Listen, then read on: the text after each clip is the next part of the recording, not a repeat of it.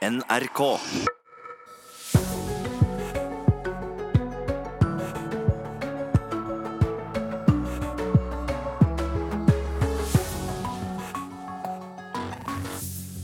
Det beste Theresa May kunne håpe på i går, var at hun ikke ble nedstemt ettertrykkelig. For at hun ble nedstemt, det var ventet. Det var kun et spørsmål om ære, egentlig.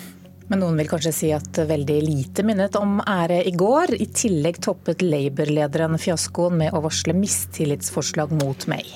Så nå er den bøyen eh, rundet. Hva betyr dette for Storbritannia? Hva betyr det for Norge? Hva betyr det for EU, og hva betyr det for aksjemarkedene? Og hva skjer nå? Alle disse spørsmålene skal vi ta for oss skritt for skritt i Nyhetsmorgen i dag.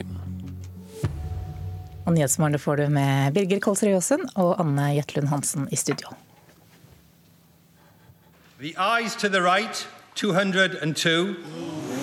The nose to the left, 432.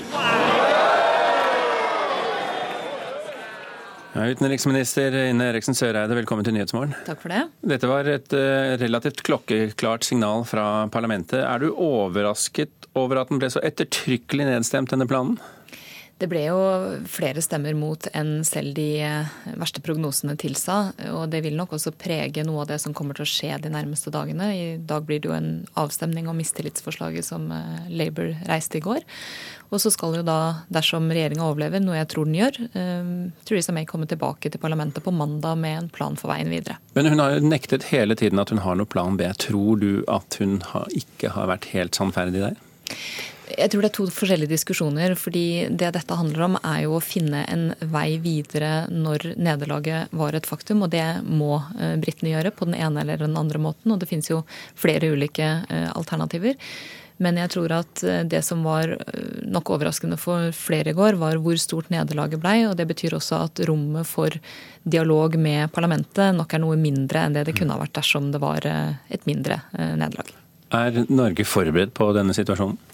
Ja, Norge har hele veien forberedt seg godt på begge mulige utfall. Det er jo fortsatt en eh, viss mulighet for at det kan eh, være en avtale som gjør at Storbritannia forlater EU på en ryddig måte, men det vil jo de neste dagene vise. Vi har gjort alle nødvendige forberedelser, kommet så langt som vi kan komme med Storbritannia. Sånn at eh, vi er forberedt på å kunne ivareta norske interesser på en best mulig måte, selv om det skulle bli en brexit uten en avtale. Det er jo ikke noe vi foretrekker, for det vil bli en mer uoversiktlig situasjon. Men hva er det dere i Utenriksdepartementet frykter mest? Vi har jo vært veldig klare på at vi trenger avtaler på de områdene som i dag reguleres av eh, bl.a. EØS-avtalen. Fordi når britene går ut av EU, så går de også ut av EØS. Eh, og dermed er jo veldig mye av vår, vår samhandel og vårt samarbeid regulert gjennom EØS-avtalen. Derfor har vi jobba med avtaler på veitransport, lufttransport, borgernes rettigheter og en lang rekke andre områder.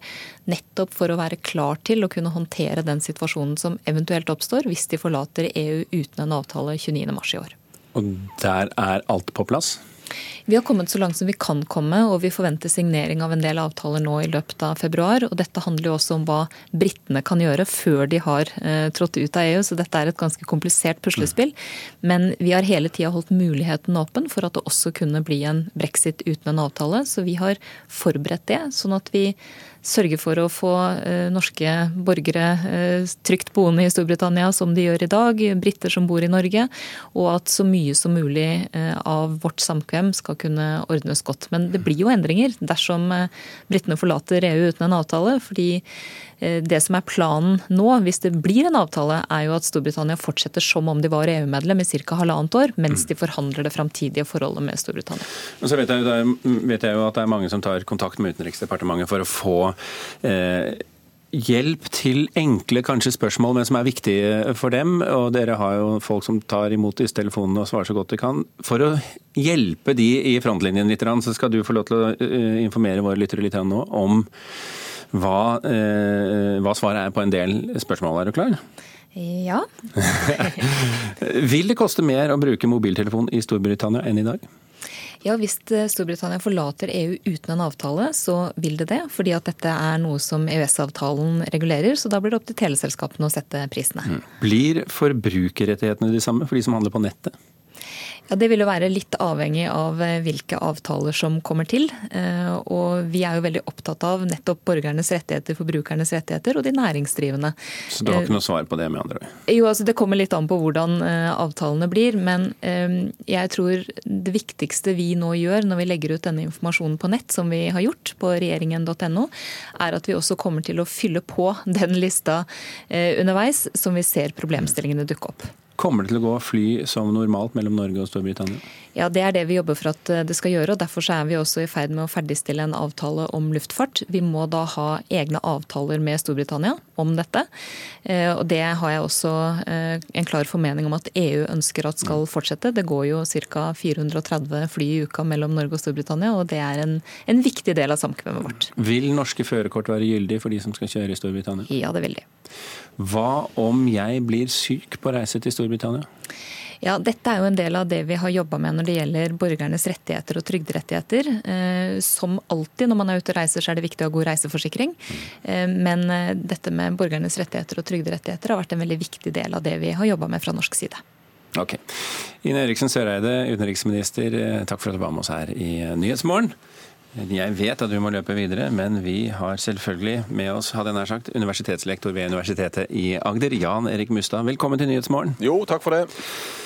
Dette var jo eh, på sett og vis en varslet eh, katastrofe på, for uh, Theresa May, men det ble da litt uh, mer trøkk i den avstemningen enn man trodde på forhånd? Ja, og så ble det jo litt dramatisk uh, siden vi fikk da dette mye omtalte mistillitsforslaget fra Jeremy Corbyn umiddelbart etterpå. Han har jo snakka om dette mistillitsforslaget ved flere anledninger i Underhuset den siste måneden, halvannen, så, så hvis han skulle holde ord i forhold til dette mistillitsforslaget, så var det kanskje på tida at han la det på bordet. Men hva vil et slik mistillitsforslag innebære? Det har to utganger, for å si det sånn. Mm. Nei, det vil jo innebære at eh, han ønsker å um, teste eh, Underhusets tillit til Teresa May, og kanskje aller mest til den prosessen som Teresa May har ledet i forhandlingene med EU, og det resultatet som de er kommet fram til gjennom dette kompromissforslaget, som ble så drastisk nedstemt stemt i går. Eh, så, så dette er jo eh, like mye en, eh, en formal, eller formalia som, som, det er realpolitikk. Rett og slett fordi at han antagelig kommer til å ta på dette mistillitsforslaget. Fordi at alle de skal vi si, motstanderne av Teresa May i det konservative partiet kommer til å støtte henne i et mistillitsforslag, selv om de stemte mot avtalen i går. Så la oss nå si for argumentets skyld at vi godtar at dette blir mistillitsforslaget ikke får flertall. Mm. Hva skjer da? Nei, Da blir jo Theresa May sittende, og så må jo hun da komme tilbake igjen med denne plan B som eh, vi snakka mye om i går. Eh, fordi at eh, parlamentet har bestemt at etter tre sittende dager så må statsministeren returnere til Underhuset for å, legge frem en plan B. Men det er jo veldig kort tid? Det er veldig kort tid, men dette handler jo om dette samspillet mellom regjeringen og Underhuset. Underhuset har i, i løpet av høsten blitt mer og mer klar over over eh, dette, denne varsla katastrofen, som du sa, og dette eh, kaoset som kan oppstå eh, når denne avtalen da, som vi, vi trodde kom til å bli stemt ned som han gjorde. Så, så dette er også noe Underhuset har vært opptatt av å, å ta tilbake litt av, av makten og styringa, eh, hvis det nå skulle vise seg at eh, det ble sånn splittelse eh, over denne avtalen som det ble i går. Men har Så, du noe tro på at EU-landene har noe å gi til meg i disse tre dagene? Nei, det er det vi ikke tror. At selv om hun nok for syns skyld må tilbake igjen til Brussel i løpet av morgentimene i dag eh, for å snakke med, med, Barnier og med Juncker og med Tusk, eh, for rett og slett å lufte eh, mulighetene for et et eller annet, så tror vi jo ikke at EU har mer å gi. Da hadde de gitt det i første runde.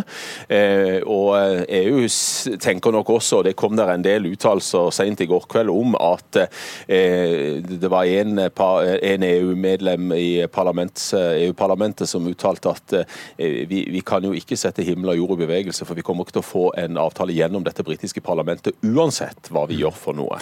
Så hva tror du er den mest sannsynlige utgangen nå? Blir det en Eh, brexit uten avtale, eller finner parlamentet på noe, f.eks. et nyvalg?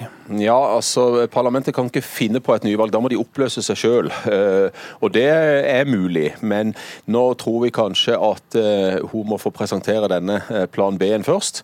Og hvis ikke det er noe mer substansielt i denne plan B, så er vi jo nærmere enn noen gang en ikke-avtale, altså en no deal brexit, som de sier der borte. Og da vil da Storbritannia gå ut 29.3 uten en avtale. Det er den loven som ligger der nå. Det er den loven som parlamentet har, har vedtatt, at artikkel 50 uh, handler om en toårsklausul. Uh, og Den ble utløst 29.3.2017 og varer til 29.3.2019. Så hvis ikke det kommer en ny lov som overstyrer den 29. mars-loven, eh, så er det ut 29. mars, da eventuelt uten en avtale. Og da er fremtiden, for å si det som britene gjør, anybody's guess? Ja, eh, og, det betyr jo at eh, dette er på en måte kaos fase to. For det var jo ikke sånn at vi kom til å få noe, noe, noe avklaring annet enn at britene i parlamentet var mot denne avtalen, som er symptomatisk for disse skillelinjene og splittelsene i landet ellers. De er like splitta i Underhuset. og kommer til å være like splitta. Og vi kan jo si det eh, nokså klart, som vi også sa i går, at eh, det er ikke sånn at alle kan få det som de vil i denne saken her. Fordi at eh, de er så eh, splitta over, over, dette spørsmålet.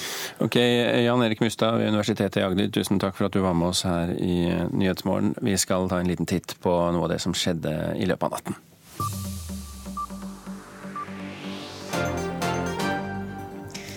Det var jo en viss spenning i går om hvorvidt børsene ville reagere nevneverdig på brexit-avstemningen i det britiske parlamentet, men børsene i både Japan og Kina åpnet rolig i natt, selv om usikkerheten rundt det britiske pundet var merkbar de første handelstimene.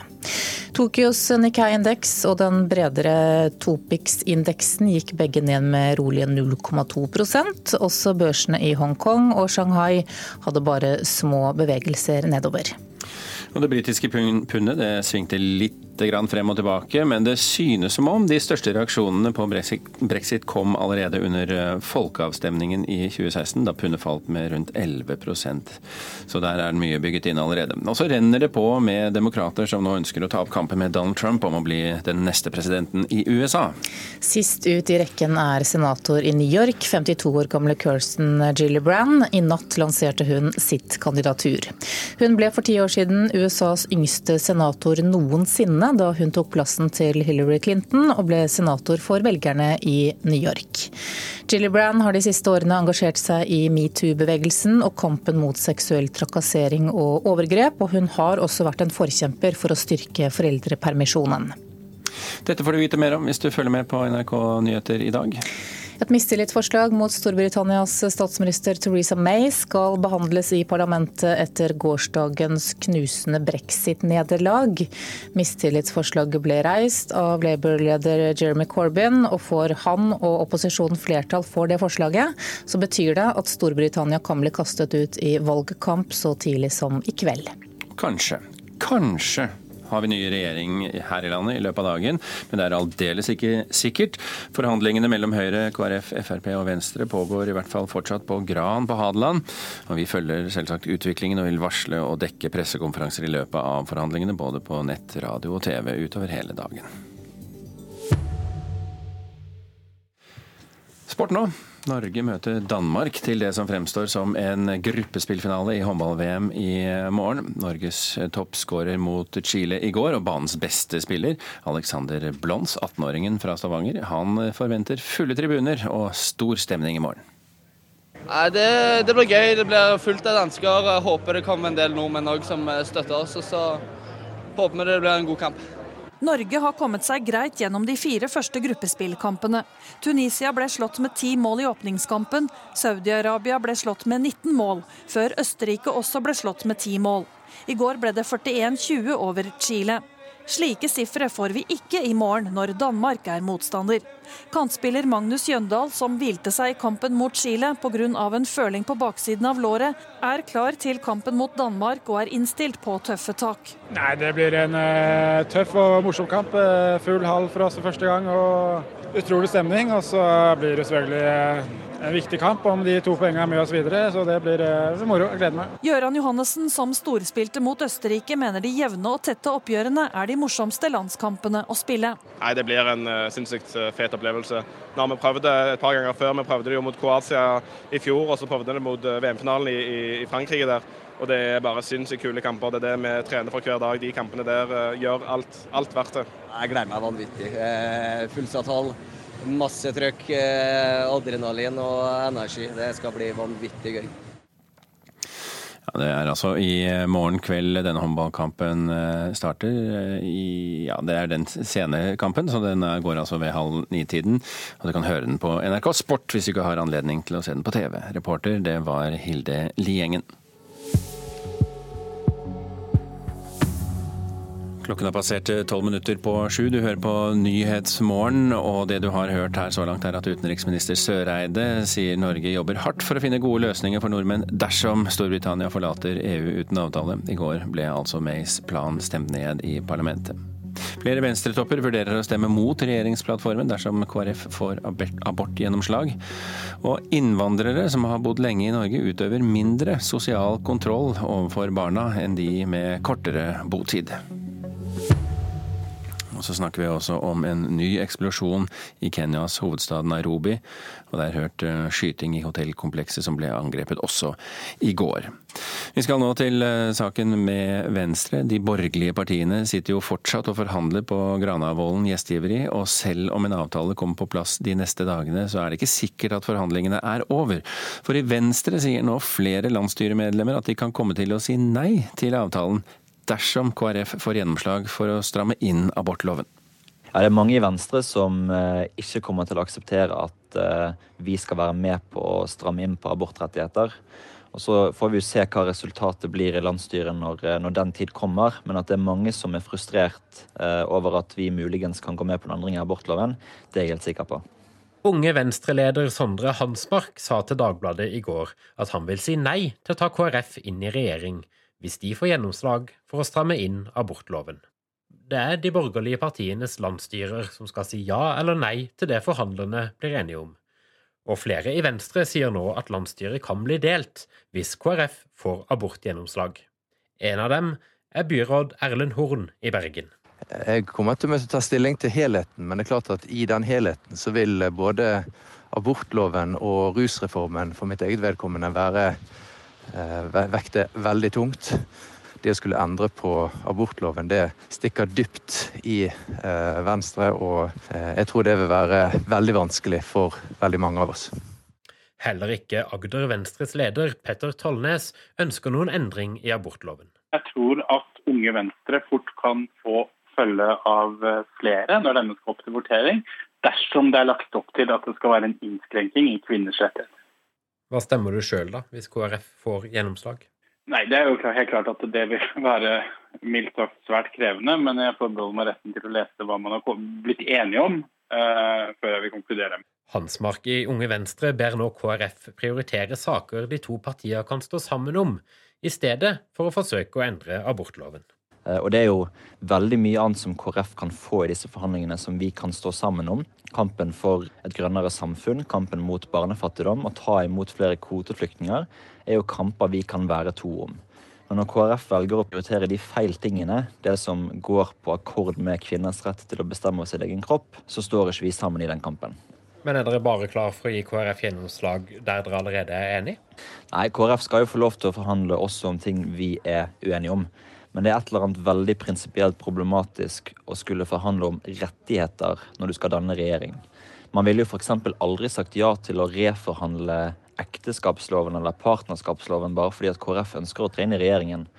Og jeg tror at Hvis folk tenker seg nøye om, så ønsker man rett og slett ikke å åpne opp for at abortloven skal være en ting man forhandler om hver eneste gang man bytter regjering.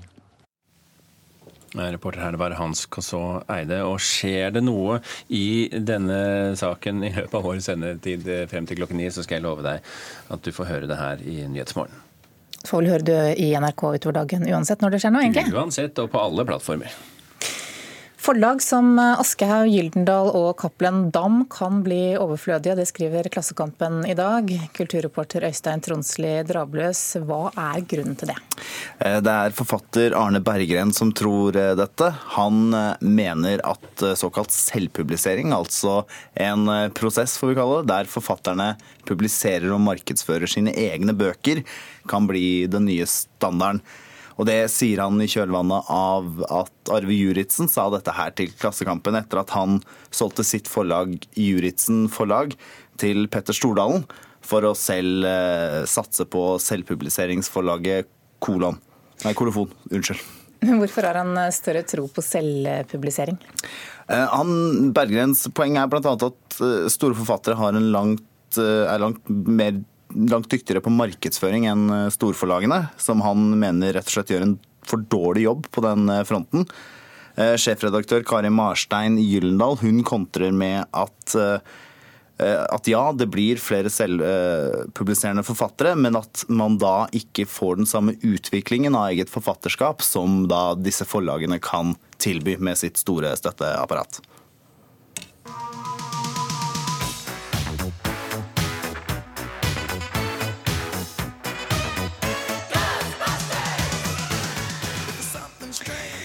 Det har gått 35 eh, år siden Ghostbusters eh, gikk på kino, men nå kan de populære spøkelsesjegerne være i ferd med å komme tilbake til kinoen, Øystein? Ja, det er eh, Jason Reitman, som er sønn av originalfilmens regissør Even Reitman, som har skrevet manus til en ny film. Og den skal da plukke opp trådene etter originalfilmen fra 1984. Med Bill Murray, Dan Ackroyd, Ernie Hudson og Harold Ramis. Det ble jo laget en oppfølger til den i 1989, som ikke ble like godt mottatt som originalen, så denne skal nå da ignoreres. Og denne kvinnelige nyinnspillingen som var for et par år siden, i 2016 eh, var det vel, skal også eh, totalt overses. Eh, så dette blir da en film som først er ventet i 2020. Men det er fortsatt noe usikkert da om Murray, Ackroyd og Ernie Hudson returnerer. Det var de som spilte hovedrollene i den første filmen. Eh, fjerdemann der, Harold Ramis, han er jo dessverre død og gikk bort i 2014, var det vel. Mulig han returnerer som et spøkelse. Det vet jeg ikke. Okay, men alle som eh, var glad i Ghostbusters, skal altså glede seg til blir neste år, da, egentlig? Ja, det blir jo, det blir jo fort, det. Ja. Stemmer 2019 nå. Takk skal du ha, Eistein Tronsli Drabløs. Den britiske skuespilleren Olivia Colman vant nylig en Golden Globe-pris for hovedrollen i filmen The Favourite. Denne uken har filmen norgespremiere, og vår kritiker mener at regissør Jorkos Lantimos har laget et mørkt, morsomt og mesterlig kostymedrama. Dearest Queen, you are mad. Giving me a palace. It is a monstrous extravagance, Mrs. Morley. We are at war. We won! Oh, it is not over. We must continue. Oh, Et strålende ensemble, et gnistrende manus og rasende skarp regi gjør The Favourite til en fantastisk morsom og engasjerende film. Jorgos Lantimos, grekeren bak The Lobster og The Killing of a Sacred Deer, har laga all kostymedramaers slemme stesøster, der scene etter scene hamrer inn nådeløs ondskap med en herlig sorthumoristisk vri. Olivia Colman, Emma Stone og Rachel Weiss balanserer elegant mellom teatralske overspill og nyanserte skildringa av figurenes særegenheter. The Favourite er i tillegg ekstremt smakfullt filma, med noen frekke valg av linser, i overdådige kulisser der absurditeten i ekstravagante kostymer, parykker og maskeringer avsløres av naturlig belysning, det være seg dagslys eller stearin.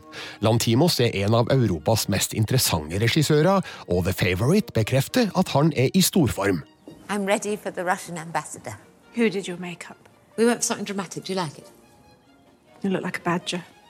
Handlinga foregår tidlig på 1700-tallet, mens England er i krig med Frankrike. Dronning Anne, spilt av Olivia Colman, konfererer hyppig med sin nære venn lady Sarah, spilt av Rachel Wise, som i bunn og grunn styrer landet på grunn av dronningas dårlige helse. Lady Sarahs falne slektning Abigail, spilt av Emma Stone, får jobb ved Slottet, og jobber seg stadig oppover til hun oppnår kontakt med dronninga sjøl. Hennes store ambisjoner fører til en konflikt med lady Sarah, der begge kjemper kjempe innbitt om dronningas gunst. I am a person of honor, even if my station is not. Even if I were the last one left in this wretched place, I would remain a lady. You're pretty when outraged. Filmen lever gjennom absolutt hele spilletida, der både skuespill og kameraarbeid har nesten maniske kvaliteter. Man får inntrykk av at skuespillerne simpelthen elsker rollene sine. De har nemlig gleden av å formidle skarp, syrlig og bitende dialog, som er ypperlig skrevet av Deborah Davis og Tony McNamara. Trekløveret Colman, Stone og Vice har flere fantastiske scener med sviende replikker som det rett og slett lukter brent av. If you forget to load the pellet, the gun fires, makes a sound but releases no shot. It is a great jape, do you agree? Yes. The Favourite er burlesk og surrealistisk satire som bobler over av kreativitet. Jorgos Lantimos har kokt sammen litt av et heksebrygg om farlig renkespill i et kostymedrama som stadig bryter sjangerens konvensjoner. Det her er mørkt, morsomt og mesterlig, og Olivia Colman er virkelig konge som dronning. Did you just look at me? Did you? Look at me! Look at me! How dare you! Close your eyes! Terningkast seks. Ja, filmen The Favourite ble anmeldt av vår kritiker Birger Vestmo, og den har også norgespremiere på fredag 18. januar. Sangeren Alicia Keys blir eh, vert for årets Grammy-utdeling. Det melder Forbes. Keys blir den femte kvinnen som skal lede dette showet, og den første kvinnelige verten siden Queen Latifah i 2005. Årets utdeling holdes 10.2 og er den 61. Eh, i rekken. Fjorårets show ble kritisert for manglende kvinnelige nominasjoner og opptredener, og det er trolig noe av bakgrunnen for at Keys er plukket ut i år, skriver Forbes.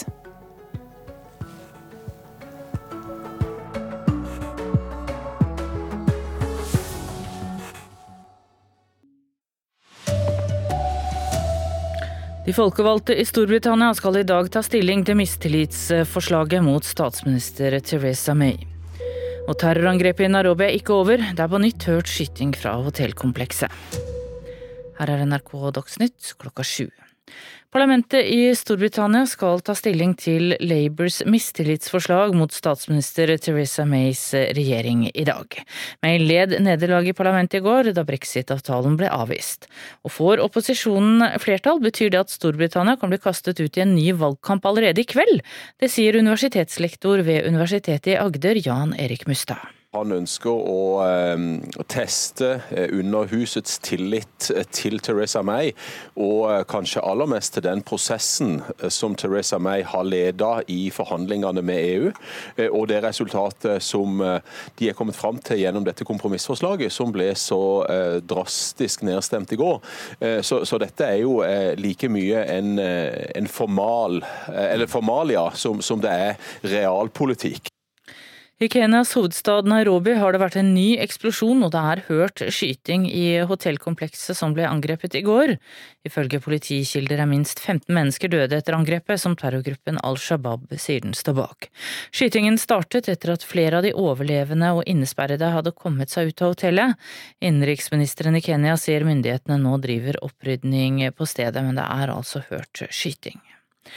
Flere medlemmer i Venstres landsstyre vurderer å si nei til å ta KrF med inn i regjeringen dersom forhandlerne på Granavolden gjør endringer i abortloven. Det er partienes landsstyrer som skal si ja eller nei til erklæringen når forhandlerne blir enige, og sosialbyråd Erlend Horn fra Venstre i Bergen sier det blir vanskelig å være med på en innstramming av dagens abortregler det å skulle endre på abortloven, det stikker dypt i eh, Venstre. Og eh, jeg tror det vil være veldig vanskelig for veldig mange av oss. I går sa unge Venstre-leder Sondre Hansmark til Dagbladet at han vil stemme mot regjeringsplattformen hvis den gir KrF gjennomslag på abort. Det vurderer også andre medlemmer av landsstyret som NRK har snakka med. Dette er det ikke bare noe som Unge Venstre eh, kjemper for, dette er noe som definerer på mange måter Venstre som et liberalt parti. Så hvis vi ikke følger den plattformen eh, er noe vi kan stå inne for, så er det klart at da, da kan ikke vi være med i en regjering. Det er opplagt. Ja, det sa Erlend Horn eh, fra Venstre, reporter var Hans Koså Eide. Oslofjordtunnelen mellom Akershus og Buskerud er stengt etter brannen i en trafostasjon ved Slemmestad i natt. Mange tusen strømkunder i Asker, Røyken og Hurum mistet strømmen i dag tidlig, men eh, strømmen er nå på vei tilbake til flere. NRK Dagsnytt var ved Tone Nordahl.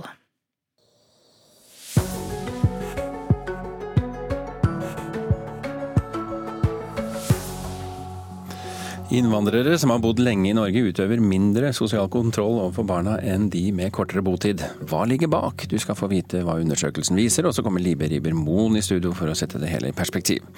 Det er klart for nok en dramatisk dag i svensk politikk. I ettermiddag avgjør Venstrepartiet om Stefan Löfven blir ny statsminister i Sverige eller ikke.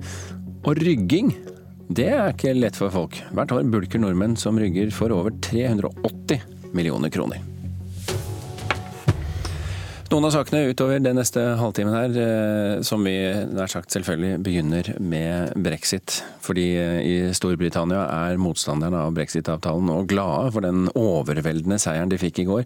Statsminister Theresa May led eh, et heidundrende nederlag i parlamentet, og det ble nei til avtalen hun har forhandlet frem. Nå håper motstanderne på en ny og bedre avtale, som folk kan stemme over. I'm very happy. This is a first step. We need to have a people's vote. There needs to be a choice on the ballot paper between Remain, Remain in the EU and Theresa May's deal. Dette er det første skrittet for at folk skal få bestemme, sier Rebecca Island på gaten i London. Hun ønsker en ny avstemning for folk flest.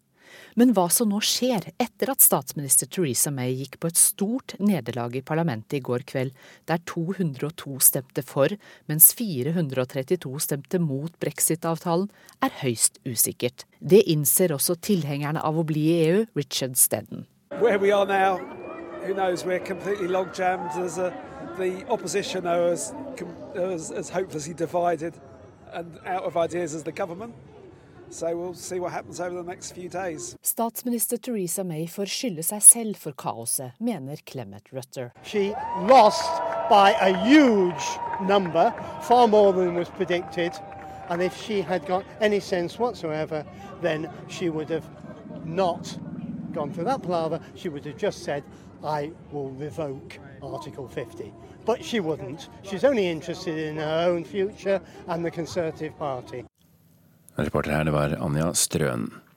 Korrespondent i London, Øyvind Nyborg. Det var altså fullstendig nei til statsminister Nei, ikke fullstendig nei, men et ettertrykkelig nei eh, til avtalen May har jobbet knallhardt for å få på plass. Eh, hva er årsaken, tror du?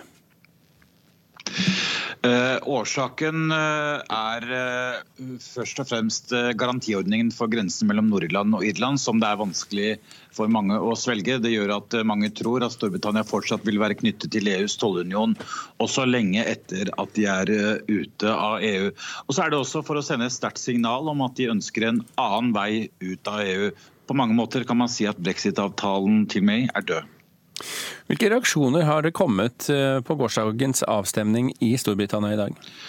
Det er klart, Dette er jo et eh, politisk eh, sjokk. Dette er det største nederlaget en britisk statsminister og regjering har opplevd siden 1924. Og så er det også et tegn på at de som er for EU-utmeldingen, er også imot Theresa Mays opplegg. Eh, så Det er jo et interessant poeng. Samtidig så er det jo et problem da, at Underhuset heller ikke har et flertall for eh, noe alternativ. Så det er politisk krise, det er handlingslammelse i britisk politikk. Eh, og Det er også et lite tegn på at utfallet av folkeavstemningen, der 52% faktisk ville ut av EU, blir utfordret. Mm. Men ikke noe alternativ, sier du. Eh, det er vel noen som mener at de skal kunne forhandle seg frem til en plan B, eller at, eh, eller at de kan gå tilbake til et nyvalg, eller ja, det, det, Noe kan skje? Ja, det er klart noe kan skje. Det som skjer er at Arbeiderpartiet har stilt mistillitsforslag mot meg. Og Det skal debatteres nå i formiddag, og så skal det stemmes over det klokken seks i kveld. Men det er ikke ventet at de klarer å få flertall for et slikt uh, mistillitsforslag. Det andre er at parlamentet nå kommer til å få mer makt over brexit-prosessen. Uh, men altså uh, Underhuset de kommer til å sette i gang et lite arbeid for å finne fram til alternativer. Og så er det da skottene og flere andre som vil forsøke å presse fram en ny folkeavstemning. Hva er sannsynligheten for at de får til det? Ja, Sannsynligheten for en ny folkeavstemning eh, ser ut til å bli mer og mer sannsynlig. Eh, et annet eh, sannsynlig scenario er at man utsetter brexit. Et da, tredje alternativ er å forsøke å enes om en noe mer EU-vennlig avtale, f.eks. noe som ligner litt mer på den Norge har. Og så Det første er selvfølgelig at man kan komme til å gå ut av EU uten noen avtale. og Det vil eh, selvfølgelig da føre til en stor økonomisk nedtur og kaos ved grensene, iallfall eh, på kort sikt. Det kan se ut som eh, statsminister May ikke har noen plan B, annet enn etter hvert å forsøke å banke på døra hos EU og se om de har noen flere innrømmelser å komme med. Selv om jo de har sagt at de ikke vil reforhandle avtalen. Men så har det kommet opp de siste dagene, Øyvind, eh, eh, tanken på at det er flere som snakker om at man faktisk kan droppe å gå ut av EU i det hele tatt. Hva, er i så fall, hva, hva må til, ligge til rette for at det eh, eventuelt er scenario som oppfylles? Nei, det det er slik at uh, også EU er innstilt på at det kan bli uh, en utsettelse av brexit. Men EU har vel gitt signaler uh, på at det må en saklig grunn til en utsettelse. Det er jo f.eks. at det pågår en politisk prosess her i London for å finne et et mer levelig alternativ. En annen saklig grunn kan f.eks. være et nyvalg eller en ny folkeavstemning. og Det vil jo i så fall ta eh, lang tid å sette i verk, og da snakker vi ikke om en eh, kort eh, utsettelse. Nei. Ok, eh, Øyvind Nyborg eh, fra London, takk for at du var med oss her i Nyhetsmorgen. Vi skal flytte oss til Brussel. Der har vi korrespondent Guri Nordstrøm. Guri, hvordan reagerer EU-landene på Storbritannias nei til denne avtalen? EU-kommisjonens sjef Jean-Claude Juncker kom med en skriftlig uttalelse i går kveld, der han ikke overraskende beklager utfallet i Storbritannia og sier at risikoen for at det nå blir en mer uryddig uttrekning fra EU har økt. og Uh, og, at det, og at oppfattelsen rundt at dette blir en uryddig utgang, er ingen uh, tjent med. Har Juncker og hans eh, kolleger i EU mulighet til å strekke seg lenger? Gi Theresa May noen flere gulrøtter for å få denne avtalen i havn likevel? Budskapet herifra per nå er at den avtalen som ligger på bordet, er den avtalen som gjelder. EU mener at eh, det er den beste mulige avtalen, som de har investert mye tid og krefter for å få i stand. og Sjefsforhandler Michael Barnier har bl.a. reist rundt til alle EU-landene og forhandlet, og EU mener de har brukt både kreativitet og vært fleksible i denne prosessen, uttalte altså Juncker i går. Så de mener jo at de har gjort sitt.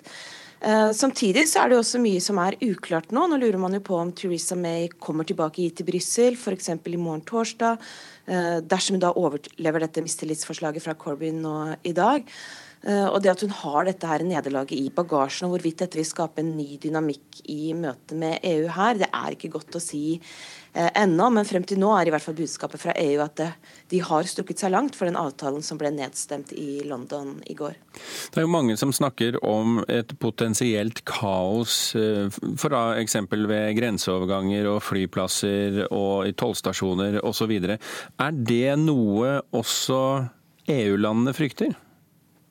Altså, problemet med dette er jo at man ikke helt vet hva som vil skje framover nå. Men det er jo det som har blitt hevdet, at uh, dersom det blir en hard brexit, at man ikke får i stand en avtale med, med, EU, så er det det som vil skje. Og det er jo særlig grensa mellom Irland og Nord-Irland som er den som er utsatt, og om den har vært uh, store diskusjoner uh, rundt.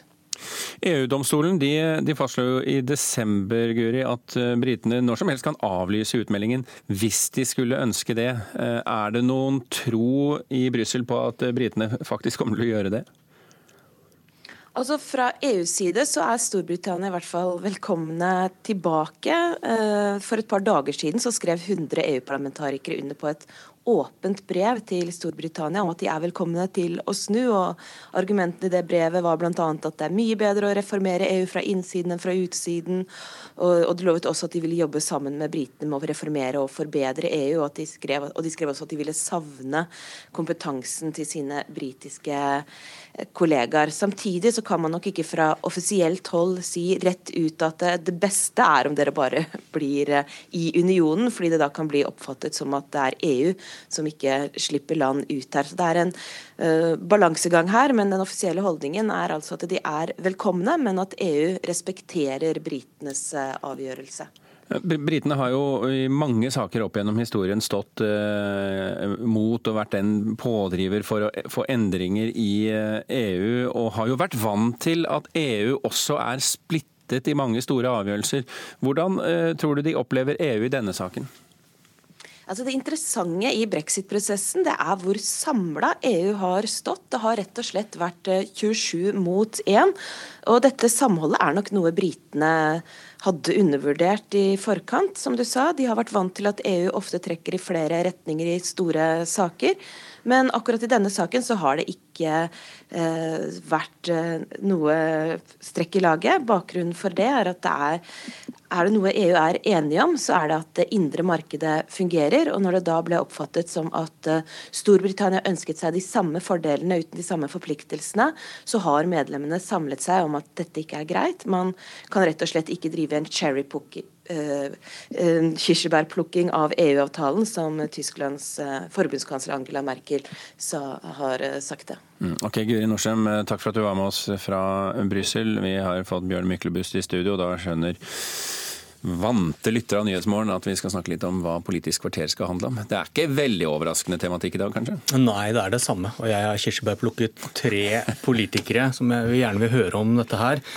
Støre, europeeren, Vedum, brexit-entusiasten. Og så Heidi Nordby Lunde fra Høyre, enda mer entusiastisk europeer enn Støre, kanskje. Mm. Hva tenker de nå? Eh, sitter to av dem og håper på at dette går skikkelig dårlig for Storbritannia? Eh, smitteeffekten, så ikke flere kommer på de samme tankene. Og eh, hva med oss? Hva med Norge? Vi må stirre litt ned i egen navle også. Ja, og Det er vel også slik at um, dette tredje alternativet som man snakker om, Norway Plus, det er vel ikke alle i den lille trioen din som synes at det er en god idé å få Storbritannia inn i EØS-avtalen? Nei, nå er jo Vedum han er jo mot EØS eh, i seg sjøl, men de to andre vil nok også ganske hardt argumentere for at dette er dårlig for Norge. Storbritannia er stort og sterkt, og landbruket i Storbritannia de vil selge varene sine. Vi vil beskytte varene våre og mm. landbruket vårt. Et eksempel som Støre nevnte i VG i går, f.eks. Så mm. ja. Det blir nok å diskutere i Politisk kvarter i dag. Vi trenger mer tid, men det får vi ikke. Nei, Det blir kvart på eh, åtte som vanlig med Bjørn Myklebust i studio.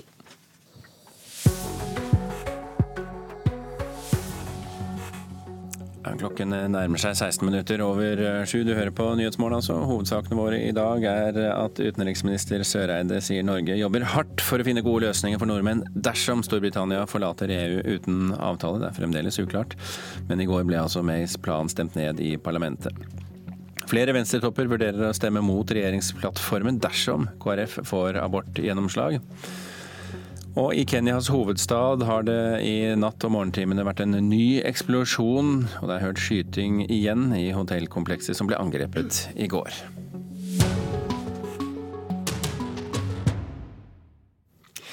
Innvandrerforeldre utøver nå mindre negativ sosial kontroll mot barna sine jo lenger tid de har bodd i Norge. Det viser en Fafo-rapport laget på oppdrag for Integrerings- og mangfoldsdirektoratet, IMDi. Den økte friheten for barna er delvis drevet frem av konflikter, sier Fafo-forsker Jon Horgen Friberg. Store og små konflikter innad i familiene, mellom familiene og storsamfunnet rundt.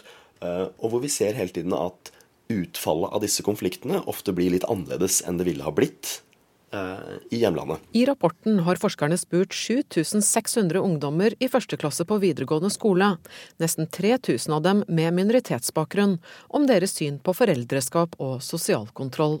Ikke vær så utadvendt. Samle beina dine. Folk kan få feil idé av jenter som er uoppmerksomme på hvordan de sitter. Husk at du ikke er gutt. Sitatene du nettopp hørte, er eksempler på utøvelse av negativ sosial kontroll, hentet fra boka Skamløs.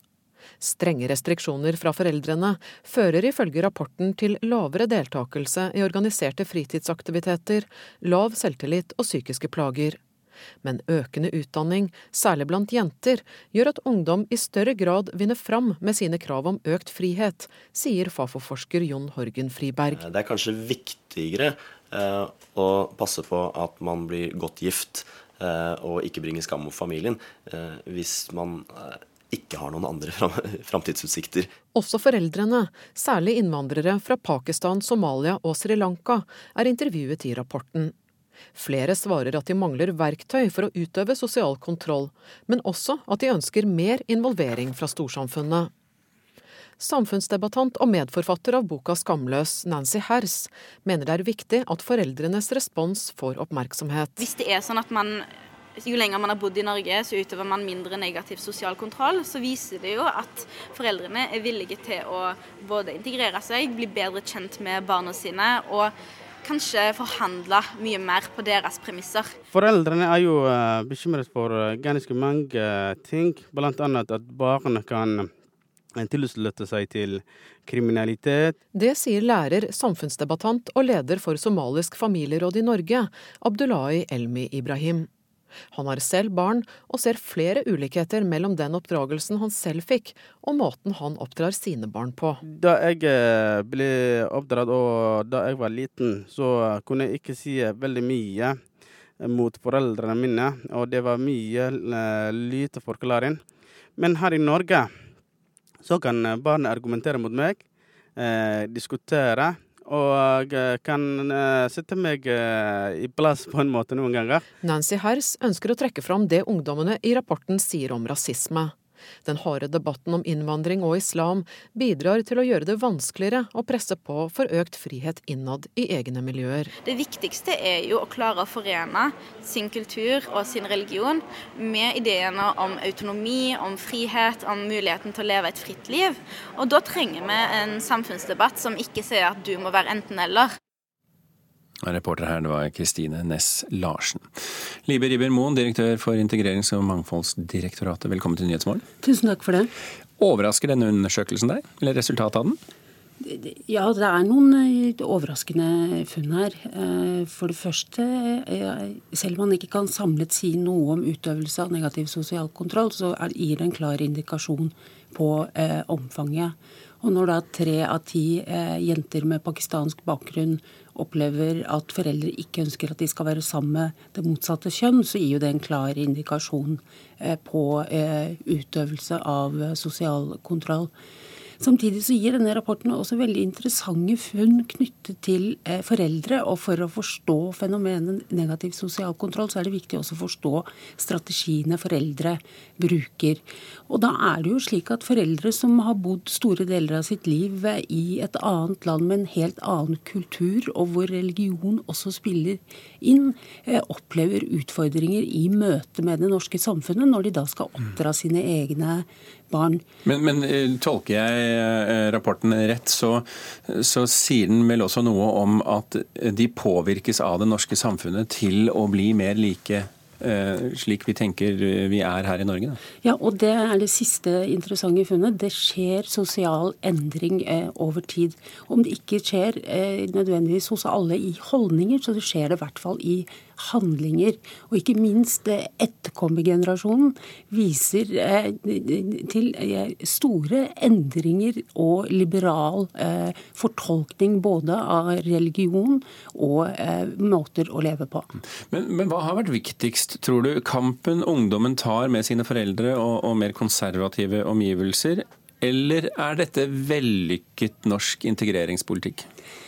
Jeg tror at endringer i holdninger over tid er et uttrykk for at den norske integreringspolitikk eh, faktisk virker.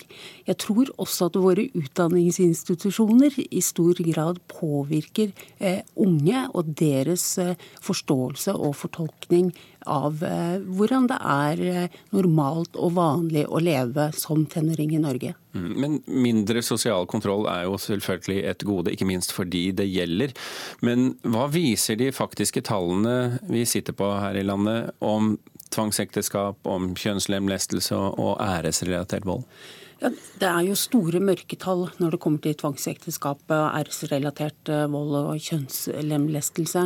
Vi har jo minoritetsrådgivere eh, i hele landet som i fjor vel rapportert om rundt 200 saker. Det er sannsynligvis bare toppen av isfjellet. Det som er viktig med denne rapporten, og med å ha fokus på negativ sosial kontroll og strenge foreldrerestriksjoner, er jo at det ofte er forløperen til mer alvorlige eh, atferd knyttet f.eks. da til tvangsekteskap. Så det å sette noen eh, rammer og være tydelig på hva det vil si å være en god forelder og en god oppdrager i Norge, tror jeg har stor betydning. Men denne Fafo-rapporten sier også noe, for det er jo første gang vi får høre foreldrenes perspektiv her, sier også noe om at flere foreldre ønsker seg større involvering fra eh, storsamfunnet. Eh, det er, kan jo fremstå som litt overraskende for folk. Hvorfor har vi ikke visst dette før? Det er jo veldig positivt at vi nå får vite mer om det. Og det er veldig positivt at eh, man eh, i større grad åpner opp og uttrykker behov for både mer veiledning og eh, dialog. Og da må vi bruke alle de arenaene vi har for å bistå og hjelpe foreldre til å få de verktøyene som er nødvendige for å oppdra unger og ungdom i Norge. Ok. Live Rivermoen, takk for at du var med her i Nyhetsmorgen. Denne rapporten legger du vel frem i dag klokken Eller blir lagt Den frem for deg frem i dag klokken 11? Klokken ni? Ja. Da justerer jeg tallet eh, 11 til 9, og så takker jeg for at du kom her i Nyhetsmorgen.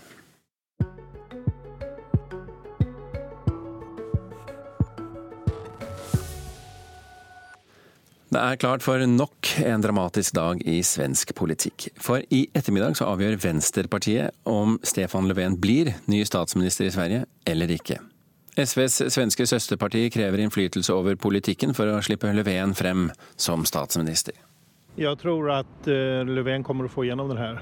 Så Venstrepartiet kommer å gi med sig. Eh, Peter Skog har tro på Stefan Löfvens forhandlingsferdigheter. Både han og svært mange andre svensker holder nå nærmest pusten. Det er klart for nok en dramatisk dag i svensk politikk. En dag som kan ende med at Löfven sikrer støtten han trenger for å bli statsminister. Det er hva vi behøver nå i Sverige. Stabilitet och eh, en, en bra balansert framtid. Men Löfven trenger støtte fra Venstrepartiet. SVs svenske søsterparti reagerte voldsomt på Löfvens regjeringsavtale med de to sentrumspartiene Liberalerna og Senterpartiet. Den sa klart og tydelig at Venstrepartiet ikke skulle få noen som helst innflytelse på politikken. Dette sa partileder Jonas Sjøstedt på mandag. Vi er en forutsetning for at denne regjeringen skal kunne komme til. Og at da tro att man kan säga att vi ska ha noll inflytande, det accepterar inte vi. Vi tar inte det. Det går inte. Jeg Jag ger alltså berörda partier 48 timmar att lösa de här problemen. Talmann Andreas Norlén ga Löfven og Sjøstedt 48 timer til å bli enige. I ettermiddag går fristen ut. Sier Venstrepartiet nei til Löfven som statsminister, rykker et nyvalg i Sverige mye nærmere. Mats Nordin, som NRK treffer på Høtorget i Stockholm, tror han snart må stemme på nytt. Jeg tror, jeg tror fortsatt det blir nyval. Jeg tror at eh, Venstrepartiet Vänsterpartiet eh, røster rødt. Det er hva jeg tror. Følg med utover dagen her i NRK, så får du vite hvordan det går. Reporter i denne omgang, det var Petter Auli Hauge.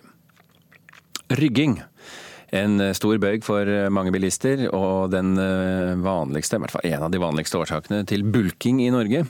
Nå har riktignok nye biler ryggesensorer og kameraer som gjør ting litt lettere, men fortsatt er rygging vanskelig for mange. Jeg står med snuta inn, og han skulle sikkert stått ut.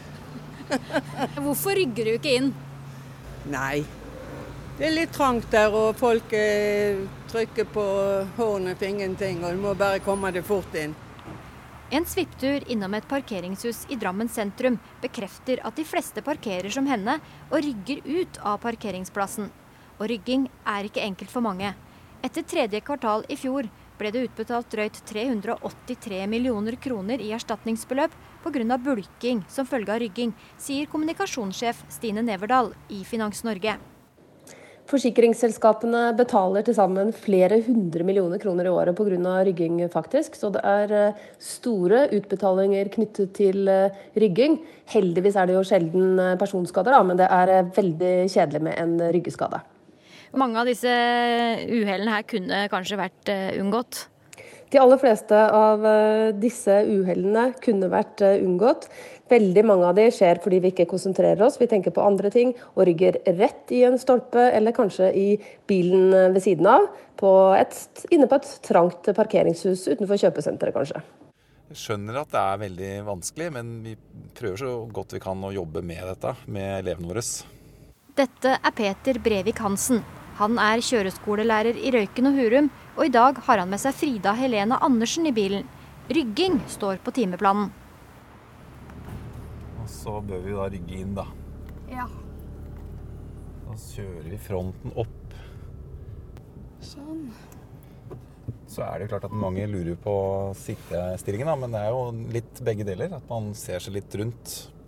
Og må ikke glemme sidespeil også, da, for å få presisjonen eh, til å rygge rundt en bil, sånn som vi gjør nå. Så da kan du begynne her, ja. Så ikke minst rygge sakte, da. Nytter ikke å være stressa. Eh, det som er vanskelig med rygg, er at du må liksom passe på veldig mye fra alle sider. Og passe på at du ikke rygger på noe, og at du ikke rygger på bilene på siden og sånn. Men det er jo veldig mye lettere når man skal ut igjen. For jeg og Peter vi prøvde å rygge litt i stad, før du kom. Og da så eh, prøvde vi å kjøre inn med snuta først. Og da merka jeg at det var veldig vanskelig å rygge ut igjen da. at jeg så jo ikke bilene som kom fra siden. Og, og jeg har jo vikeplikt for de som kommer kjørende når jeg rygger. Så da var jeg jo redd for at jeg skulle kjøre på noen, da, for jeg så det jo ikke. Men på nye biler så er det jo disse ryggesensorene. Og den pipinga, det er jo et hjelpemiddel. Det er jo det. Og, og vi har ryggekamera, og vi har Det er jo masse som, biler som parkerer seg selv og Så utviklinga, den er, går jo den veien. Men så er det det at uh, det er jo ikke sikkert man kjører med slikt utstyr hele tiden, da. Og da, da kan man glemme seg, rett og slett. Reporter her, det var eh, Tina Bråk. Straks Dagsnytt her i Nyhetsmorgen. Studio 2. Venezuela er i ferd med å falle sammen. I et forsøk på å kontrollere den galopperende inflasjonen prøver presidenten nå å innføre en ny myntenhet knyttet til kryptovaluta. Den har vi ikke sett før. Og økonomene rister på hodet. Studio 2 klokken 16 til 18. Studio 2 på NRK P2.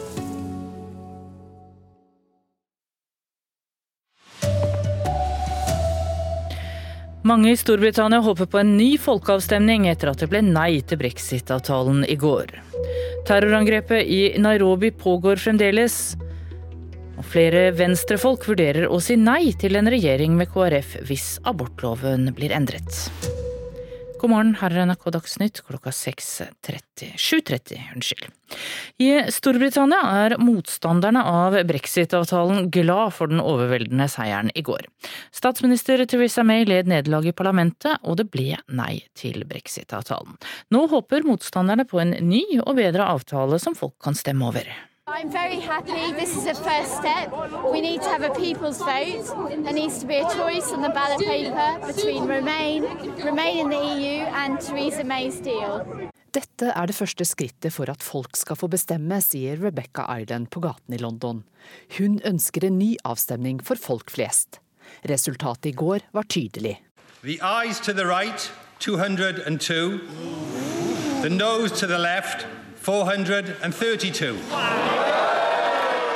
Tross jubelen innser også tilhenger av å bli i EU, Richard Stedden, at det er høyst usikkert hva som nå skjer. Where we are now, knows? We're completely log jammed. There's a, the opposition are as, as, as hopelessly divided and out of ideas as the government. So we'll see what happens over the next few days. At det er Theresa May som har skylden for kaoset, er ikke Clement Rutter i tvil om. She's only interested in her own future and the Conservative Party. Reporter her var Anja Strøn. London-korrespondent Øyvind Nyborg, allerede i dag skal de folkevalgte ta stilling til mistillitsforslaget mot statsminister Theresa Mays regjering. Hva kan skje i parlamentet i dag? Det blir en ny, heftig debatt. Det som skjedde i går var jo et historisk nederlag for en regjering som har sendt brytene ut i nok en politisk krise. Men det er ikke trolig at May blir forsøkt kastet i denne omgangen. Arbeiderpartiet får dermed ikke det nyvalget de ønsker. Men det kan jo igjen bane vei for en ny folkeavstemning. Det virker som om mange briter angrer seg og egentlig vil bli i EU nå. Kan det bli resultatet sånn til syvende og sist? Ikke hvis uh, Theresa May får uh, sin vilje gjennom. Det skal veldig mye til. Men hvis det er spørsmålet i en ny folkeavstemning, så kan det jo bli resultatet. Men regjeringen vil nok først forsøke å banke på døra hos EU igjen. Uh, for å se om de kan hjelpe til. Det kan også bli en mer EU-vennlig avtale. En utsettelse av det hele. Eller selvfølgelig så kan de komme til å krasje ut av EU uten noen avtale i det hele tatt. De trapper iallfall opp forberedelsene for det. Det er ganske åpent nå og mye rot, sier mange. Hvordan reagerer folk i Storbritannia på situasjonen? Eh, det som var interessant i går, er at eh, begge leire ser på dette som en seier. De som er for EU, mener at dette kan eh, bane vei for en ny folkeavstemning. De som er imot EU, de mener at dette kommer til å føre til at man går ut av EU uten noen avtale. Altså et så klart brudd med EU som mulig. Og det er jo det som er deres våte drøm. Takk Øyvind Nyborg fra London. Fra London til Brussel, der er korrespondent Guri Nordstrøm på plass. Hvordan reagerer EU-landene på at det ble nei til brexit-avtalen? EU-kommisjonens eh, leder Jean-Claude Juncker kom med en skriftlig uttalelse i går kveld, der han ikke overraskende beklager utfallet i Storbritannia og sier at risikoen for at det nå blir en mer uryddig uttrekning fra EU har økt. Og oppfattelsen her er jo at en uryddig utgang det er ingen av partene tjent med. Ja, kan EU strekke seg lenger nå for å hjelpe Theresa May med å få en avtale i havn eh, likevel? Altså, budskapet herifra per nå det er at den avtalen som ligger på bordet, er den avtalen som gjelder. EU mener at det er den beste mulige avtalen som de har investert mye tid og krefter for å få i stand. Eh, sjefsforhandler Michael Barnier har reist rundt til alle EU-landene og forhandlet frem dette. Og EU mener de har brukt både kreativitet og vært fleksible i denne prosessen. Så de mener jo at de har gjort sitt. Samtidig så er det jo også mye som er uklart nå. Nå lurer man jo på her om uh, Theresa May kommer tilbake hit til Brussel, f.eks. i morgen torsdag, dersom hun da overlever dette mistillitsforslaget fra Corbyn nå i dag. Og det at hun har dette nederlaget i bagasjen hvis hun da kommer, og hvorvidt det vil skape en ny dynamikk i møte med EU her, det er ikke godt å si ennå. Men frem til nå er i hvert fall budskapet fra EU at de har strukket seg langt eh, for den avtalen som ble nedstemt i London i går, og at ballen nå ligger i London, og at det er de som må ta neste initiativ til hva som skal skje videre nå. Takk, Guri Nordstrøm. Og utenriksminister Ine Eriksen Søreide sier Norge vil jobbe hardt for å ivareta forbrukernes interesser. Ja, Det vil jo være litt avhengig av eh, hvilke avtaler som kommer til. Eh, og vi er jo veldig opptatt av nettopp borgernes rettigheter, forbrukernes rettigheter og de næringsdrivende. Så du har ikke noe svar på det, med andre ord? Jo, altså det kommer litt an på hvordan eh, avtalene blir. Men jeg tror det viktigste vi nå gjør når vi legger ut denne informasjonen på nett, som vi har gjort på regjeringen.no, er at vi også kommer til å fylle på den lista underveis som vi ser problemstillingene dukke opp. Så til Nairobi. Der har det vært en ny eksplosjon nå på morgenen, og det er hørt eh, skyting i hotellkomplekset som ble angrepet i går. Ifølge politikilder er minst 15 mennesker døde etter angrepet, som terrorgruppen Al Shabaab sier den står bak.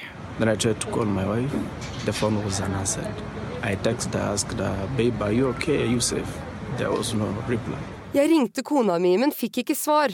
Så sendte jeg en tekstmelding. Babe, hvordan går det? Han fikk fortsatt ikke svar. Jasper Moindi venter nervøst utenfor hotellet Dusit i Kenyas hovedstad Nairobi. Inne i bygget kjemper kona hans for livet, mens hun gjemmer seg for terroristene som er midt under et angrep.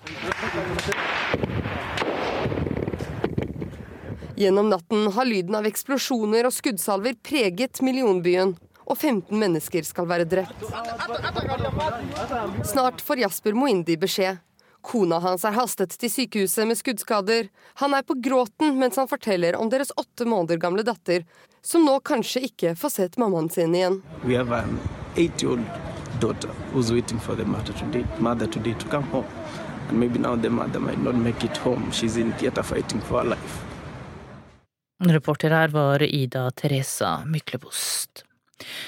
Innvandrerforeldre utøver mindre negativ sosial kontroll mot barna sine jo lengre tid familien har bodd i Norge.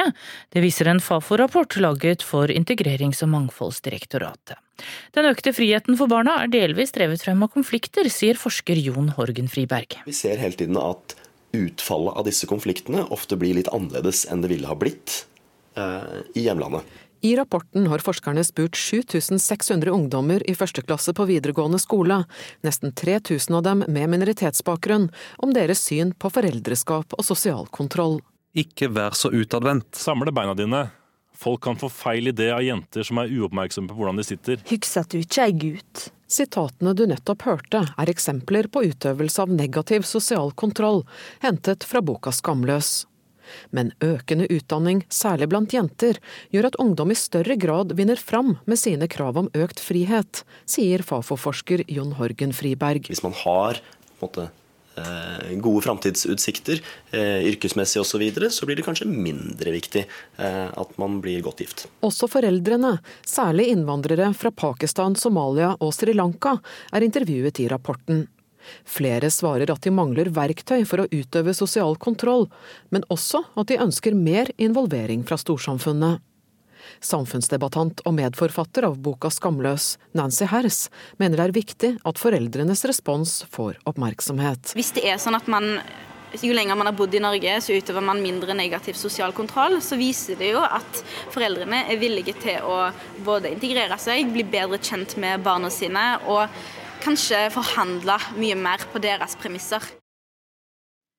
Reporter her var Kristine Næss Larsen. Flere medlemmer i Venstres landsstyre vurderer å si nei til å ta KrF med i regjering dersom det blir endringer i abortloven. Det er partienes landsstyrer som skal si ja eller nei etter at regjeringsforhandlingene er ferdige, og sosialbyråd Erlend Horn fra Venstre i Bergen sier det kan bli nei det å skulle endre på abortloven, det stikker dypt i eh, Venstre. Og eh, jeg tror det vil være veldig vanskelig for veldig mange av oss. I går sa unge Venstre-leder Sondre Hansmark til Dagbladet at han vil stemme mot regjeringsplattformen hvis den gir KrF gjennomslag på abort. Det vurderer også andre medlemmer av landsstyret som NRK har snakka med. Dette er det ikke bare noe som Unge Venstre eh, kjemper for, dette er noe som definerer på mange måter Venstre som et liberalt parti. Så hvis vi ikke følger den plattformen eh, er noe vi kan stå inne for, så er det klart at da, da kan ikke vi være med i en regjering. Det er opplagt. Reporter her var Hans Kosså Eide.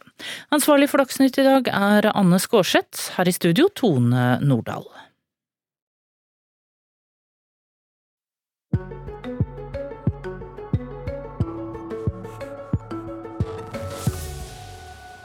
Januar er tiden for nyttårsforsetter og treningsstart, men ikke bare for eh, unge som skal ha sommerkroppen i orden, det er også for den eldre garde. Og om du ikke føler deg hjemme på treningsstudio, enkel trening hjemme kan ofte være det beste. 91 år gamle Ragnhild Myklebust er f.eks. en av mange eldre kvinner som holder seg i aktivitet med torsdagstrimmen i Førde. Og du, det er helt uunnværlig. Fordi at de rekker ei gruppe som ikke går på noe slag annet. Jeg kan ikke trene på puls eller spent eller hva det måtte være. Fordi at det er en helt annen måte. Ragnhild Myklebust er 91 år og gjør seg klar for torsdagstrimmen på Røde Kors-bygget i Førde. Hun er ikke i tvil om at fysisk aktivitet har hjulpet henne med daglige oppgaver. Ja, fordi at, at jeg, jeg, la jo hele høyrefoten og alt mulig og var invalid og, og gikk på krykke i ett og et halvt år. Og ingen hadde forventa at jeg skulle stå på beina mer. Og så begynner jeg å prøve hjemme, og så begynner jeg å trene her. Ned og fram opp igjen. Hold det bak. Hold det Det har hjulpet til og lært meg hva jeg må eh, liksom ta hensyn til, og hva jeg må trene opp. Instruktør Magni Kvile har starta oppvarminga. Økta går ut på at de utfører ulike øvinger med en stol som eneste hjelpemiddel. Kvile er utdanna ergoterapeut og kretsinstruktør i eldretrim. Hun har mange års erfaring og er inspirerende for de om lag 20 deltakerne på trimmen. Jeg vet jo, jeg har drevet på i 40 år, tror jeg. Det første programmet jeg lagde, det har datert i 84. Jeg syns det er veldig kjekt, både sosialt og jeg treffer mange som hele tida har vært eldre enn meg, og nå er jeg begynt å nå dem igjen. så eh, også det, jeg syns det er så viktig at vi holder oss ved like, iallfall. Så det er nå bare trening en gang for veka. Så um, det blir liksom en puff til vedlikehold.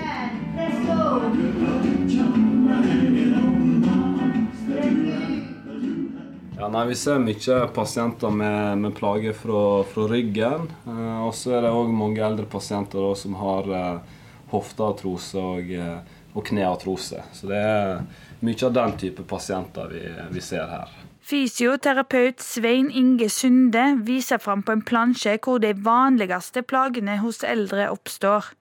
Inaktivitet hos eldre kan føre til at muskulatur blir svekka fort, og han kommenterer at det er viktig å bygge opp muskulatur ved trening for å forebygge fall og skader. Sunde er klar på at fysisk aktivitet ikke trenger å være noe avansert eller vanskelig. Jeg tenker nok at eh, det viktigste er å prøve å finne en aktivitet som en liker. Da gjør det så mye lettere å komme seg ut og så er det gjerne det med at det, det skal oppleves enkelt, da. At det ikke blir for avansert. Det òg tenker jeg at eh, de eldre er, er opptatt av. Ja, Så gjør det enkelt. Synes du det er vanskelig å holde deg i aktivitet, så skal du få et godt råd av Ragnhild. For hun har ikke tenkt å gi seg med det første. Ja, så lenge jeg orker. Ja. Og så kan det være at det kan være i dag jeg ikke har lyst. Men da er det bare å ta seg sammen og gå, for at en veit en har godt av.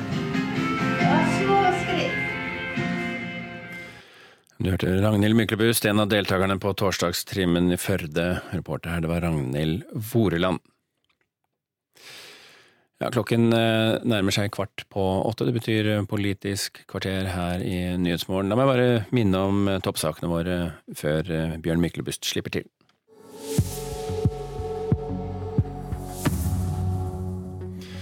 Mange i Storbritannia håper på en ny folkeavstemning etter at det ble nei til brexit-avtalen i går. Den norske utenriksministeren sier Norge jobber hardt for å finne gode løsninger for nordmenn dersom Storbritannia forlater EU uten avtale.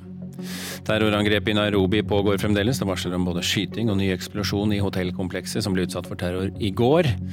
Og flere venstrefolk vurderer å si nei til en regjering med KrF hvis endringer i abortloven blir en del av regjeringsplattformen. Ja, Det skal handle om brexit også når Bjørn Myklebust eh, åpner studio for sine tre gjester i dagens Politiske kvarter.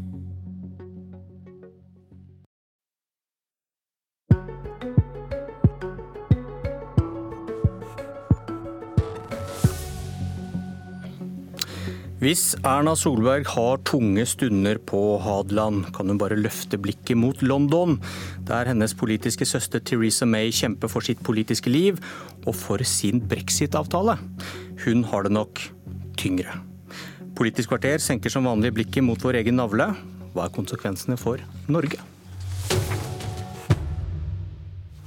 Men også hva slags Europa vil de egentlig ha, mine gjester? Støre, Vedum og Nordby Lunde, god morgen til alle tre. Hei. Avtalen den britiske regjeringen har fremforhandlet med EU, skilsmissepapirene, ble bryskt avvist av de folkevalgte i London i går kveld. Og En europeer som deg, Arbeiderpartileder Jonas Gahr Støre, må vel håpe at dette gjør skikkelig vondt for britene. At dette ikke ender lykkelig, så ikke flere skulle bli fristet til å forlate EU? Nei, vet du hva, jeg har ikke slike tanker. Jeg syns det er veldig trist å se at vår nabo, allierte, partner eh, Storbritannia, som er opptatt av å dra på ferie til og følge med på fotball fra og handle med, eh, er i et så stort kaos som de er. Eh, det er jo det som skjer. Det er ikke bra for dem, og det er ikke bra for Europa, det er ikke bra for oss. Hva, tror, du, hva tror, tror, du, skjer hvis dette blir ender lykkelig for britene og de er kjempefornøyd med avtalen? Det er jo langt fram. Det vi diskuterer nå er jo skilsmissen. Hvis vi bruker bilder fra et par som skal skille seg, så diskuterer de nå hvordan de skal skilles, hvem de skal gå til og hvordan det skal skje. Det er jo neste etappe. Så det er veldig mye der vi ikke vet. Det som er i vår interesse, er at britene kommer ut av dette på en måte som gjør at vi kan forholde oss til dem uten store omveltninger og tumulter. Og jeg har ikke tro på det at om det går dårlig for dem, så påvirker det norsk europadebatt den veien. Og går det bra for dem, så påvirker det den veien. Jeg tror at vi kommer til å vurdere dette ut fra hva som er best for Norge. Jeg tenkte mer på andre land, da. Frankrike, Danmark, Italia. Folk, ja, det som er skjedd nå, som vi har, vi har hørt i løpet av gårsdagen og eh, morgentimene i dag, er jo hvordan de 27 EU-landene har stått veldig sammen. Eh, man trodde kanskje de ville gå i litt ulik retning i disse to årene med forhandlingene med britene, men det har de ikke gjort. Og det tror jeg er fordi at de ser at dette indre markedet som de handler i hver dag, varer flytter seg, folk selger, eh, kjøper, reiser, det fungerer bra for alle i hovedsak. Det er aldri sånne ting som er perfekt. Eh, men den veien britene går, den må de eh, finne ut av selv. Og det er jo det store, store spørsmålet. Et parlament som har stemt dette ned med så uklare motiver som i går, hvordan skal det gå videre? Hva syns en hardbarka brexit-tilhenger om at Theresa May sin avtale ble stemt ned? Senterpartileder Trygve Slagsvold Vedum. Det som er viktig å huske her, er at det, det, det britiske folk Eh, jeg tror det var 17 millioner jeg ikke helt feil, som sa at de ønska å gå ut av eh, Storbritannia. Eh, for, nei, ikke Storbritannia, ut av EU for to år siden.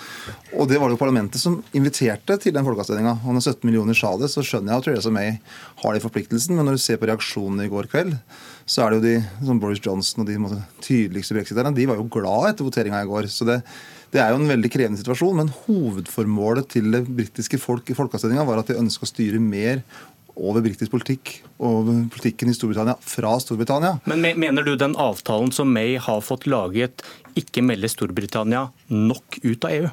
Det er jo et indre anliggende i Storbritannia. De må jo ta sin diskusjon. så Jeg skal ikke sitte i Norge og mene hva som er den beste avtalen for Storbritannia. Men jeg tror det har vært et en stor frykt også i Brussel at hvis Storbritannia kommer for godt ut av det, hvis ting går for bra for, eh, for Storbritannia nå, så vil det kunne gi en smitteeffekt til andre land. Så Det er nok noe av grunnen for at du ser den harde linja som EU har kjørt. At man ønsker ikke en for god avtale, for det kan da skape en dominoeffekt. Og så viser jo det her hvor klokt det var at det norske folk sa nei til EU i 1994. Det gir oss større handlefrihet, større rom og større nasjonal styring over hva vi vil med norsk politikk. og Det er jo det britene har erfart, at det var for lite styring.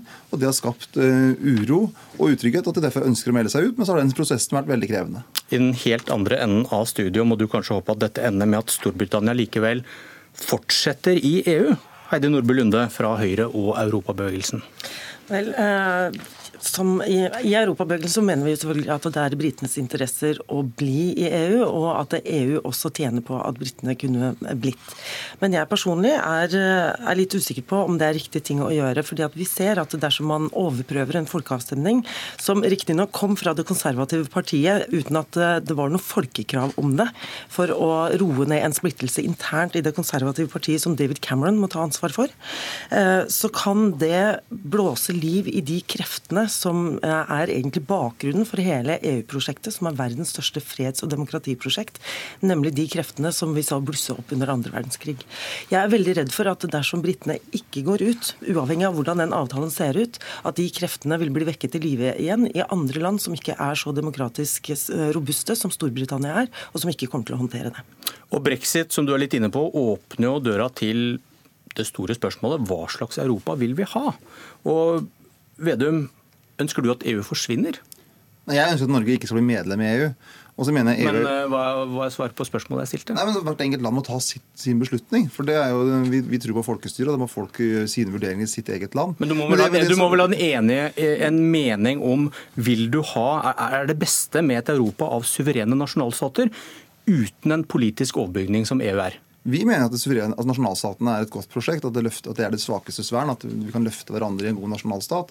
Og så er vi skeptiske til den utviklinga, eller mot den utviklinga vi ser i EU, at stadig mer makt sentraliseres til Brussel, og drømmen om et føderalt Europa. For vi tror at du ikke klarer å skape et fellesskap der vi løfter alle i det systemet. Men er, du for, eller er du for eller mot et EU, selv om Norge ikke er medlem? da?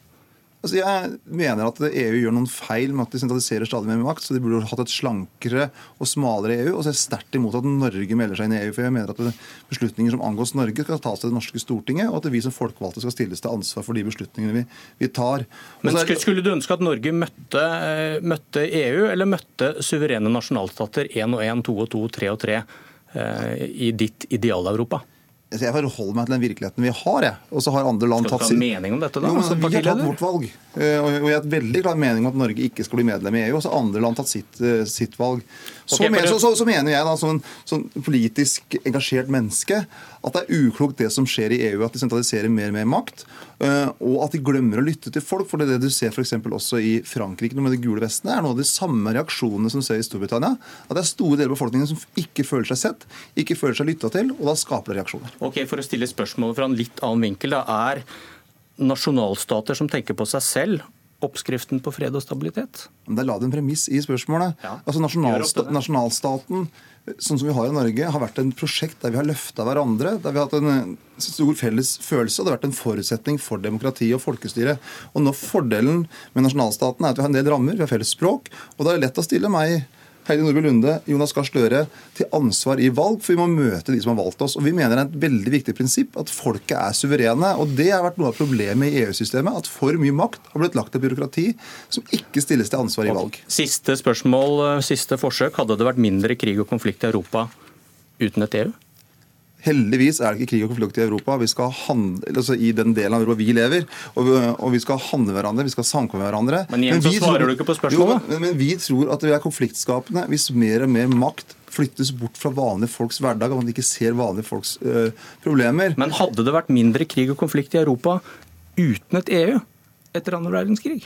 Vi, valgt, vi, måtte finne samarbeidsløsninger, men vi har tro på mellomstatlige samarbeidsløsninger. Og at det er uklokt å gi for mye makt til et overstatlig organ.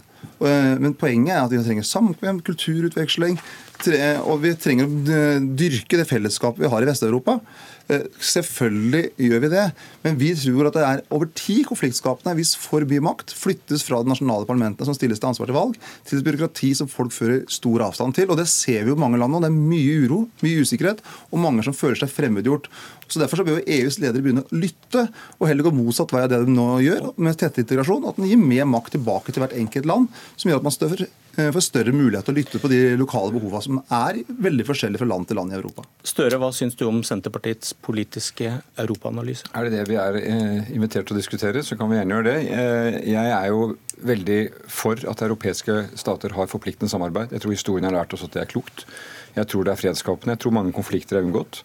Eh, jeg tror at de som eh, hver dag eh, selger fisk fra Norge og kan vite at det kan gå rett inn på det europeiske markedet, for vi har avtale hvordan det skal skje, at kvaliteten er godkjent på forhånd.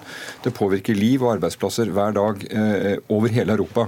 Og så skal det være en balanse. Selvfølgelig skal politikere stilles til ansvar. Jeg tror at en av grunnene til at Storbritannia har kommet i et uføre, er forhold i Storbritannia.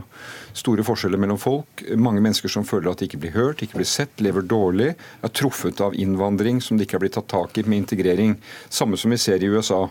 Og Det viser igjen at politikere hjemme har ansvar for å sørge for at det er rettferdig fordeling og små forskjeller. Det gjelder uansett hva slags system vi har i Europa. Men det at et så tett integrert kontinent som Europa skulle gå videre uten et, en overbygning som EU, det tror ikke jeg. Norges kompromiss er EØS. Det er men, en god, men, du, du, god avtale. Ja, ja, god avtale, men etter dette varme forslaget for europeisk samarbeid, Hvorfor er ikke Arbeiderpartiet for norsk EU-medlemskap?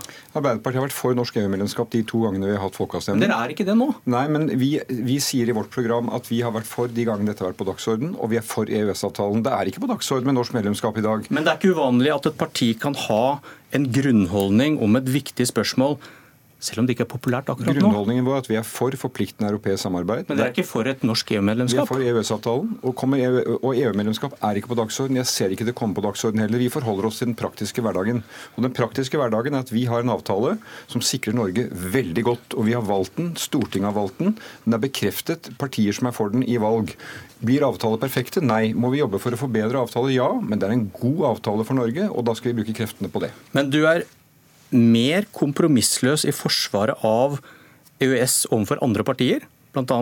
Vedum her, enn i forsvaret av EU og et EU-medlemskap overfor intern opposisjon. Ja, men Det er helt riktig. Jeg er det. For det er det som er saken. Det er ikke en sak om Du gir etter for intern opposisjon, nei, selv om du mener at nei, det europeisk men jeg stemte for EU-medlemskap i 1994, eh, men det sa folket nei til. Og Apropos folkeavstemning, jeg er enig med Heidi Nordby Lundbø. Når folkeavstemningen har sagt nei, så må vi respektere det.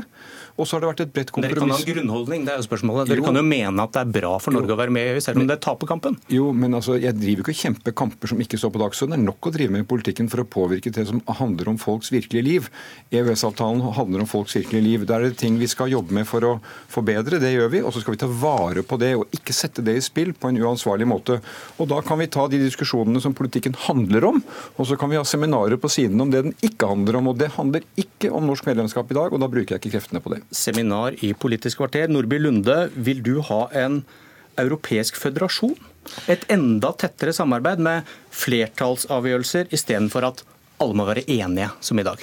Nei, Jeg personlig er ikke føderalist. Eh, men vi må huske på at de som er for EØS-avtalen, er jo også for et velfungerende EU. For uten det så har vi jo ingen EØS-avtale. Men hvis EU bidrar til vekst og fred, som du selv var inne på i stad, hvorfor ikke gjøre den integrasjonen enda sterkere. Enda mer vekst og fred.